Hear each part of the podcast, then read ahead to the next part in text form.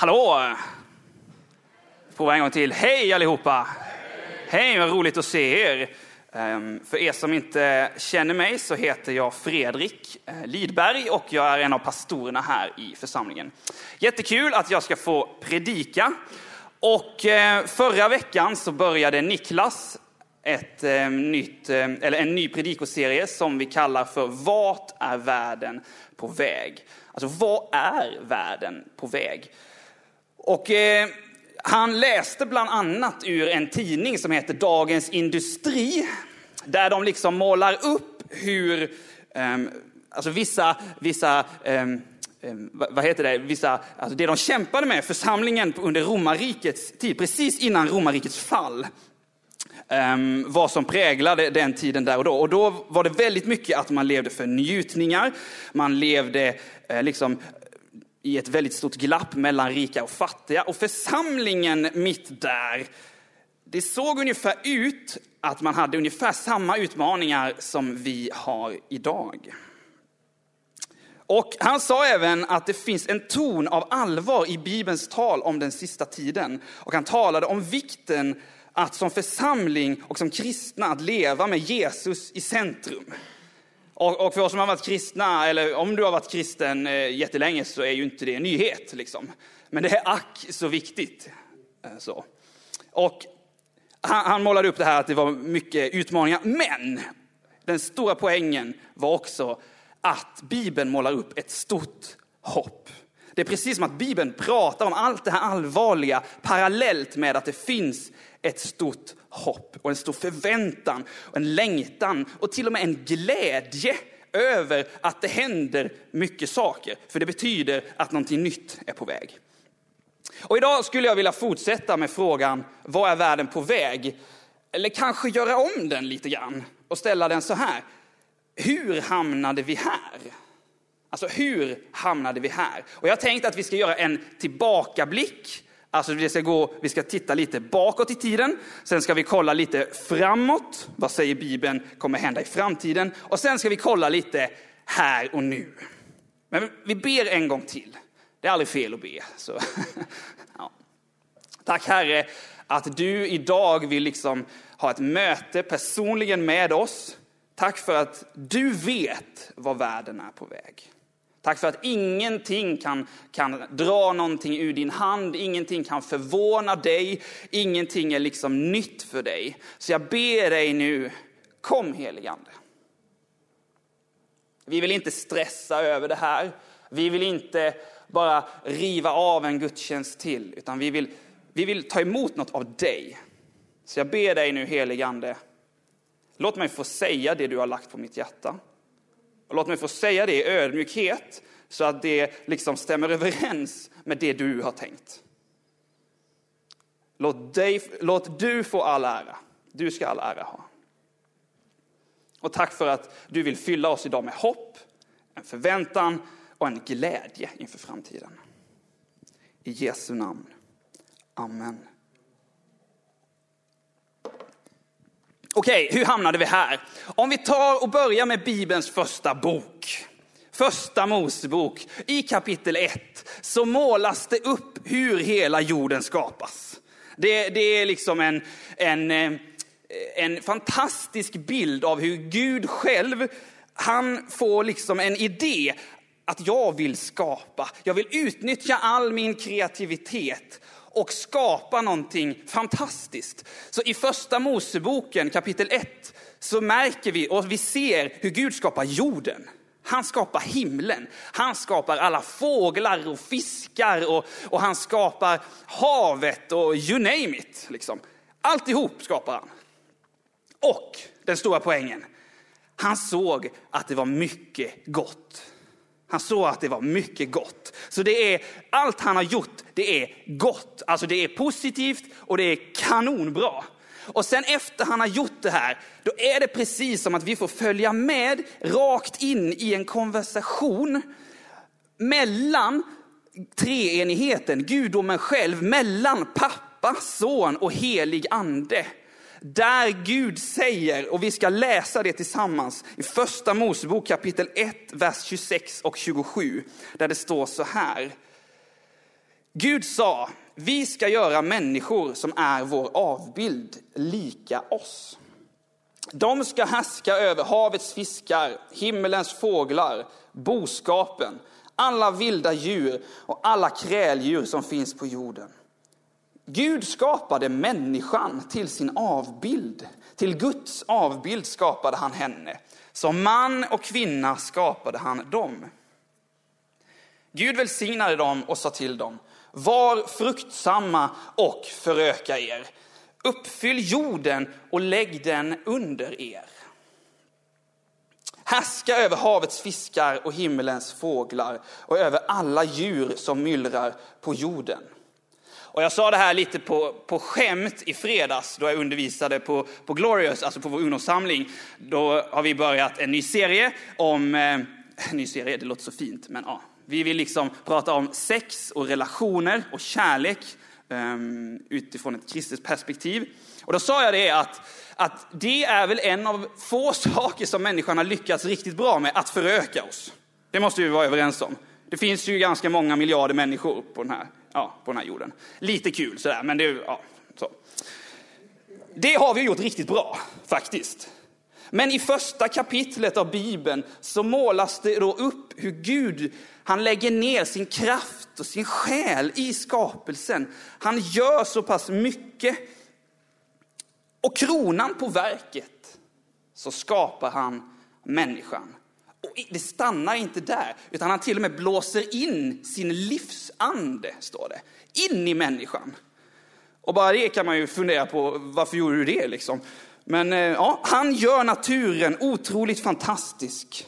Så att man inte ens som jag som människa riktigt kan ta in hur fantastisk den är. Och jag älskar solnedgångar. Är det någon som gillar solnedgångar? Vi kan ha en handuppräckning på den. Ja, men det var ganska många liksom. Solnedgång, tänk dig liksom en, en sommardag.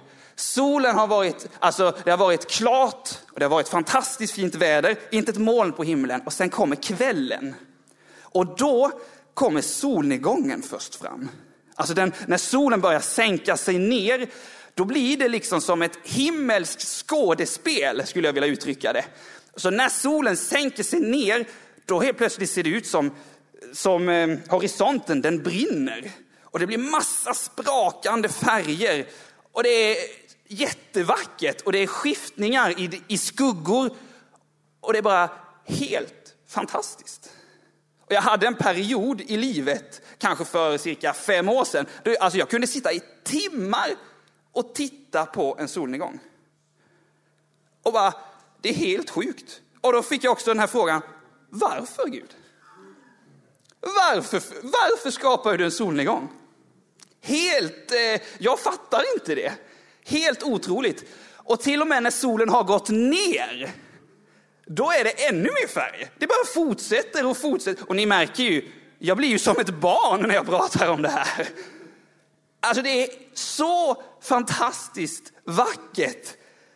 Och jag kan inte beskriva det med ord, man måste uppleva det själv. Och det här är bara en sak som Gud har skapat i sin natur. Snacka om kreativ Gud. Och då kommer det också en följdfråga. Om Gud har kunnat göra något så vackert som en solnedgång, hur vacker är inte Gud själv då? Tänk på den. Hur vacker är inte Gud då? Om han kan skapa, skapa en solnedgång. Och en annan sak Eh, med naturen, det är att många ehm, som eh, har upplevt eh, utmattningssyndrom eller stress eller liknande, när de har, varit, de har upplevt att när de får vara ute i naturen, då händer det någonting. Axlarna liksom ah, åker ner. Jag kan själv vittna om det. Ehm, mina föräldrar har ett fantastiskt sommarställe ute på landet precis vid havet. Varje gång jag kommer dit, jag har säkert babblat om det innan, jag kan inte vara tyst om det. Varje gång jag kommer dit, då åker axlarna ner. Det är precis som att Gud har lagt ner en bit av sig själv i naturen som har helande effekt. Och det här är jag öppen för diskussion om, men det, det händer ju någonting. Så, så folk blir ju till och med ordinerade av läkare. Var ute i naturen. Gå ut i skogen eller titta på havet eller så. Vandra i naturen. Det är precis som att det händer någonting. Så då om vi frågar oss, vad är problemet egentligen med världen? Jo, men det är tyvärr synden. Att vi som mänsklighet inte lyssnade på Gud och håller oss till hans ordningar och det han vet är bäst för oss. Utan vi ville vara våra egna gudar. Det här hände i dåtiden när vi kollar bakåt här nu. Och det är det som är problemet. Och allt det här kan man läsa om i första Mosebok 3. Då människan började tro på lögnen. En massa olika lögner liksom. Um, och vi, vi liksom gick på lögnen av djävulen som sa att vi fixar detta själva. Och det är en fet lögn. Han målade upp, djävulen målade upp en världsbild för oss att du och jag är i centrum och vi behöver inte Gud. Vi kan lösa det här själva. Och han lockade oss att tro på lögnerna. Och vi bytte världsbilden från att Gud är centrum till att vi är det. Men problemet, problemet med det, det är att du och jag som människor, vi är faktiskt inte skapade till att vara i centrum. Smaka på den lite. Du och jag är inte skapade att vara i centrum. Det blir någon dissonans, liksom. det är inte tanken att vi ska vara det. Utan när vi har Gud i centrum, då ställer sig saker och ting till rätta. Och det luriga med synden är att den ibland inte är så lätt att upptäcka. Ibland är den det. Och då kan man ju direkt liksom avstå från den och säga nej, men jag vill inte göra det här eller jag vill inte tänka så där, eller vad det då kan vara. Men ibland är synden förklädd. Så att den ser väldigt bra ut. Den kan se jättebra ut. Den kan kännas väldigt bra. Men den är egentligen helt fel. Tänk er en kompass. Ni vet en kompass liksom, som man ställer in ett gradantal på, på den destination man ska komma till. Och ställer man inte in kompassen på exakt det gradantalet, säg att det skiljer bara några grader, då kommer du väldigt nära din, din destination. Men du kommer inte rätt. Du kommer lite, lite, lite fel. Men du kommer ändå fel. Du kommer ändå att missa målet. Och vi, och synden, jag skulle vilja säga att synden gör att vi missar målet med våra liv. Och vi tänker, eller kan tänka, att Gud är emot oss när han egentligen är för oss. Synden gör också, jag har märkt det själv i mitt eget liv att, att synden gör ganska ofta att jag vill kompromissa med sanningen. Alltså en kompromiss, vad är en kompromiss? Ja men det är att jag, ja, men jag, jag gör liksom någonting som är halvbra, men det är inte helt bra. Och det är inte helt fel heller kanske, men det är någonting som inte riktigt stämmer. Och vi tänker att Gud vill ge oss dåligt samvete och göra våra liv tråkiga kanske. Men synden, den gör också att jag ibland tappar min frimodighet. Att jag ibland tappar min frimodighet att faktiskt stå upp för det jag vet. Det här är rätt. Det här är sant. Gör, synden gör kanske att ibland så vågar jag inte berätta kanske för min granne om min tro. Jag vågar inte stå upp för den som är, den som är svag eller den nedslagne.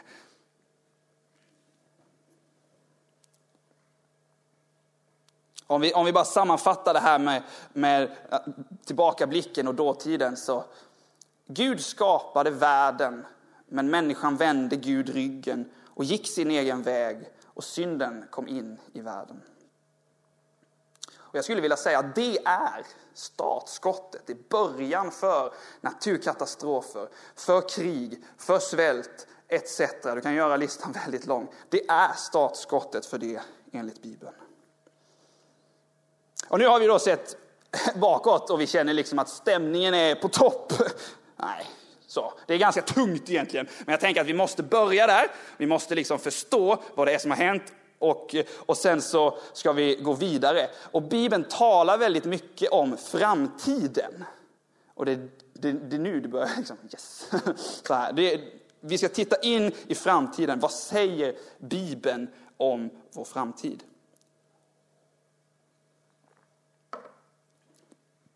Och då ska vi gå till Romarbrevet kapitel 8, vers 18 och till och med 25. Där Paulus skriver i sitt brev till de kristna i Rom, där står det så här. Jag menar att våra lidanden i denna tid ingenting betyder mot den härlighet som ska uppenbaras och bli vår. Ty skapelsen väntar otåligt på att Guds söner skall uppenbaras. Alltså, vi som kristna har ett fantastiskt hopp och som, som vi bara kan vänta på. Och hela skapelsen, det står att alla, allt som är skapat väntar på att Guds söner ska uppenbaras. Alltså att Jesus själv ska komma tillbaka. Vi läser vidare. Allt skapat har lagts under tomhetens välde. Inte av egen vilja, utan på, på grund av honom som vållade det.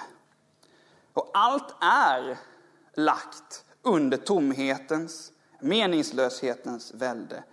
Och jag skulle vilja påstå att allting som händer i den här världen, jag tror inte att det har en mening. Allt som händer, jag tror inte det. Men jag tror däremot att Gud, han kan, han vill och han är en mästare på att ta det som kanske har blivit fel, trasigt, gått sönder och vända på det till någonting positivt. Han är mästare på att ta varje omständighet som du och jag kanske känner, det kommer inte gå, och vända på det och bli någonting fantastiskt. Men, det, men, men märker ni skillnaden? Det betyder inte att Gud tycker att allt skräp som händer är bra, eller att han har skickat det, men att han är mästare på att använda det.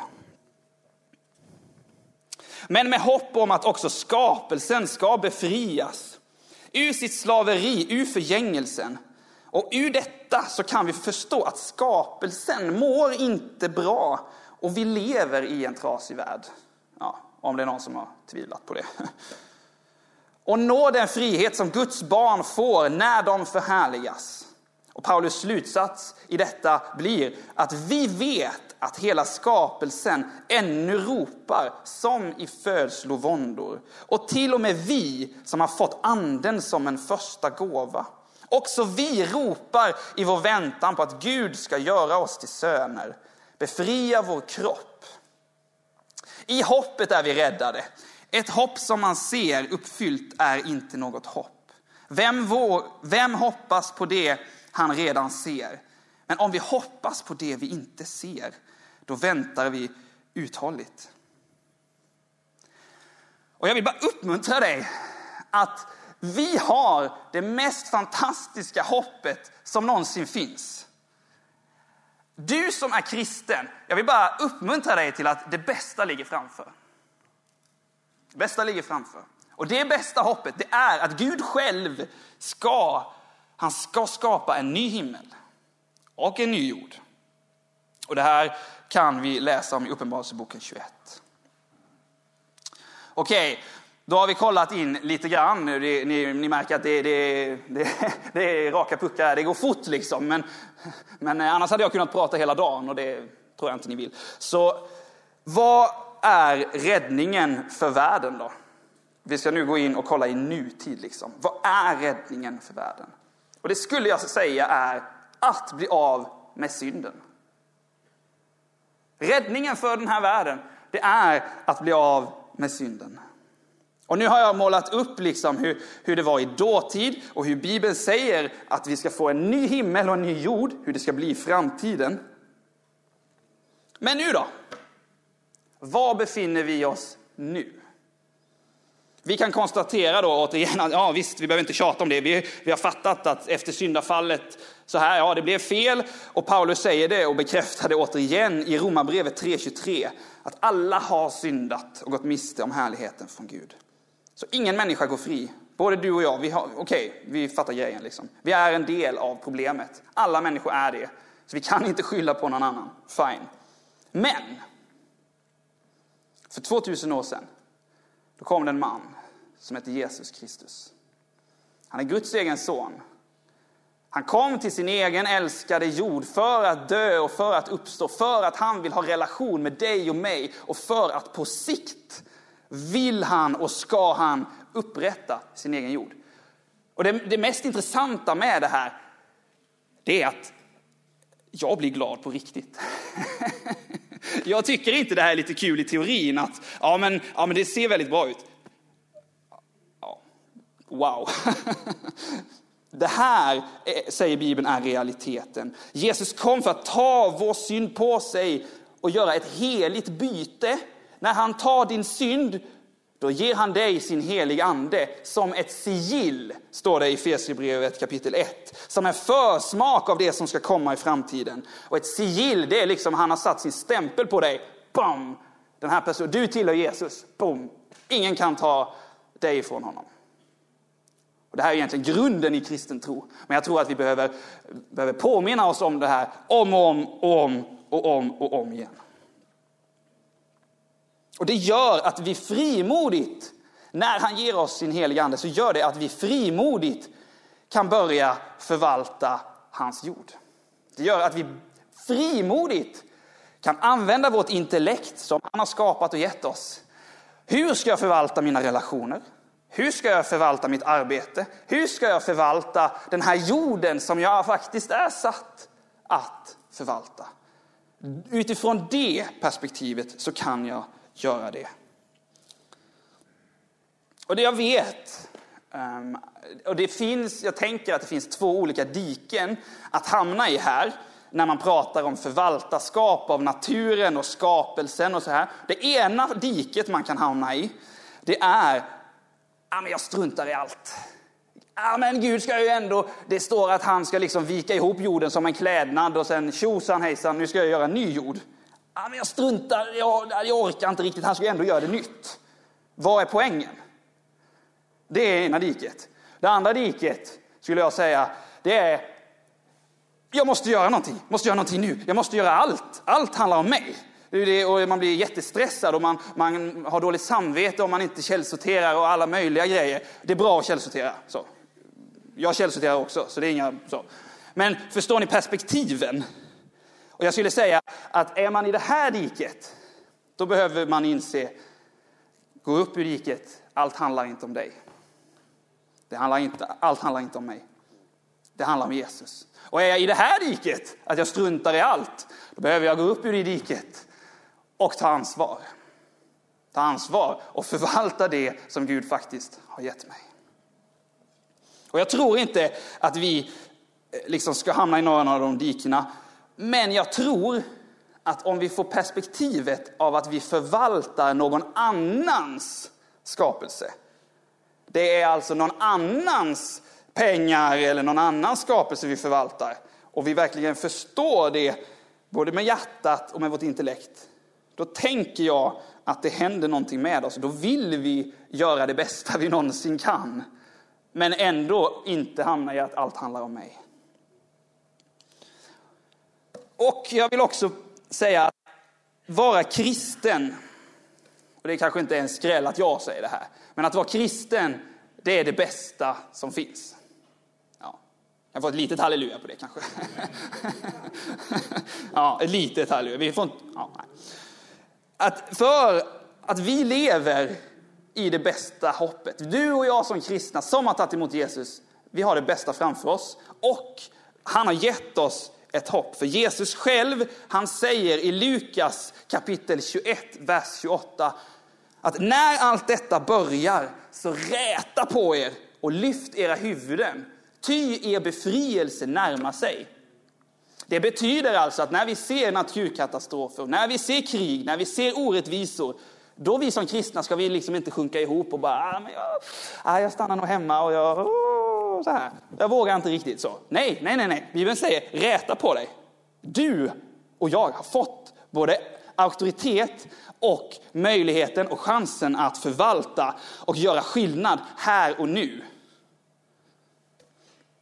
Och det står också i Efesierbrevet um, kapitel 5, vers 14 till och med 20. Men innan jag läser det så tror jag att det här, det är, jag tror att det är ett tilltal till antingen till någon eller till flera här inne och en uppmuntran. Jag tror att Gud bara vill uppmuntra dig och säga räta på dig. Jag har inte skapat dig för att du ska sitta ihop krympen och, och antingen tycka synd om dig själv eller att världen bara är hemsk. Räta på dig. Du har både en uppgift, absolut, men det är inte därför du ska räta på dig, utan det är för att Jesus har gjort allt. Han har vunnit segern och utifrån den segern, då kan du räta på dig. Sträck på dig. Efesierbrevet kapitel 5, vi ska gå in för landning här nu. Därför heter det, vakna du som sover, stå upp från de döda och Kristus ska lysa över dig. Se alltså noga upp med hur ni lever, inte som ovisa människor, utan som visa. Och då ser vi det igen. Jag skulle säga att, att, att ovisa människor, de är antingen, och det är jag också ibland, så, så ni är inte ensamma, jag är inte perfekt. Men ibland är man här i det diket och ibland är man i det diket och så här. Men visa människor, det är de som söker Guds vilja och försöker hålla sig uppe på banan. Liksom. Okej. Okay.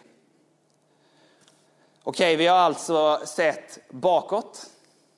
Vi har alltså sett i framtiden vad Gud säger. Det här vill jag göra. Det här kommer jag göra. För att jag älskar min egen jord. För att jag älskar min skapelse. Jag älskar alla människor. Och vi har sett på hur vi kan leva och kanske bör leva fram, fram tills han kommer tillbaka. Helt seriöst så tror jag att Jesus ska komma tillbaka och det kommer bli en glädjens dag. Och då är det party. Då är det riktigt fantastiskt. Jag har levt under flera månader faktiskt med ett ord eller liksom en strof när man ser, alltså, och det har varit pandemi och nu är det krig och det är liksom, i Afrika så svälter de och det är alltså massa orättvisor. Så har jag levt med att Herren själv, Jesus Kristus själv, Herren själv ska ta itu med orättfärdigheten. Vilket innebär att Gud själv ska ställa ondskan till svars. Bara smaka på den. Det är realiteten, det är den guden vi tror på. Han ska liksom säga till ondskan att det här du har gjort, ställt till med, det ska du få betala för. Och du och jag som är kristna, vi får leva i, i Guds nåd. Och ytterst sett så är det helt enkelt djävulen som ska bli dömd av Gud själv. För det han har ställt till med. Och i det hoppet som vi bär på, om en återupprättad värld, så får vi gå in och förvalta och allt sånt här och vi ska ta ansvar, ja. Vi får lita på det hoppet. Absolut, och vi ska ta ansvar, absolut. Men mitt i allt det här så får vi stämma in i den bönen som är Bibelns näst sista vers. Där det står Kom, Herre Jesus. Kom, Herre Jesus. Ska vi be tillsammans. Herre, vi, eh, vi bara böjer oss inför dig och, och säger ja, men förlåt för det vi har schabblat bort och för det vi eh, inte har förvaltat rätt. Förlåt oss för det. Men tack också för din nåd. Den är så mycket större. Den gör också att all synd, all, all skam och all skuld, den försvinner. Så jag vill bara tala ut frihet i Jesu namn över oss som är här inne nu, eller de som tittar på Youtube. Var fri i Jesu namn. Var fri att förvalta det du har fått, oavsett om det är mycket eller lite. Var fri att göra det bästa du kan utan fördömelse. Och i det så vill vi bara uttrycka vår längtan här, att vi längtar och vi stämmer in med hela skapelsen. Kom Herre Jesus. Vi fixar inte det här utan dig. Tack för att du har koll. Tack för att det kommer att bli bra. Det kommer att bli bra. Mm. I Jesu namn. Amen.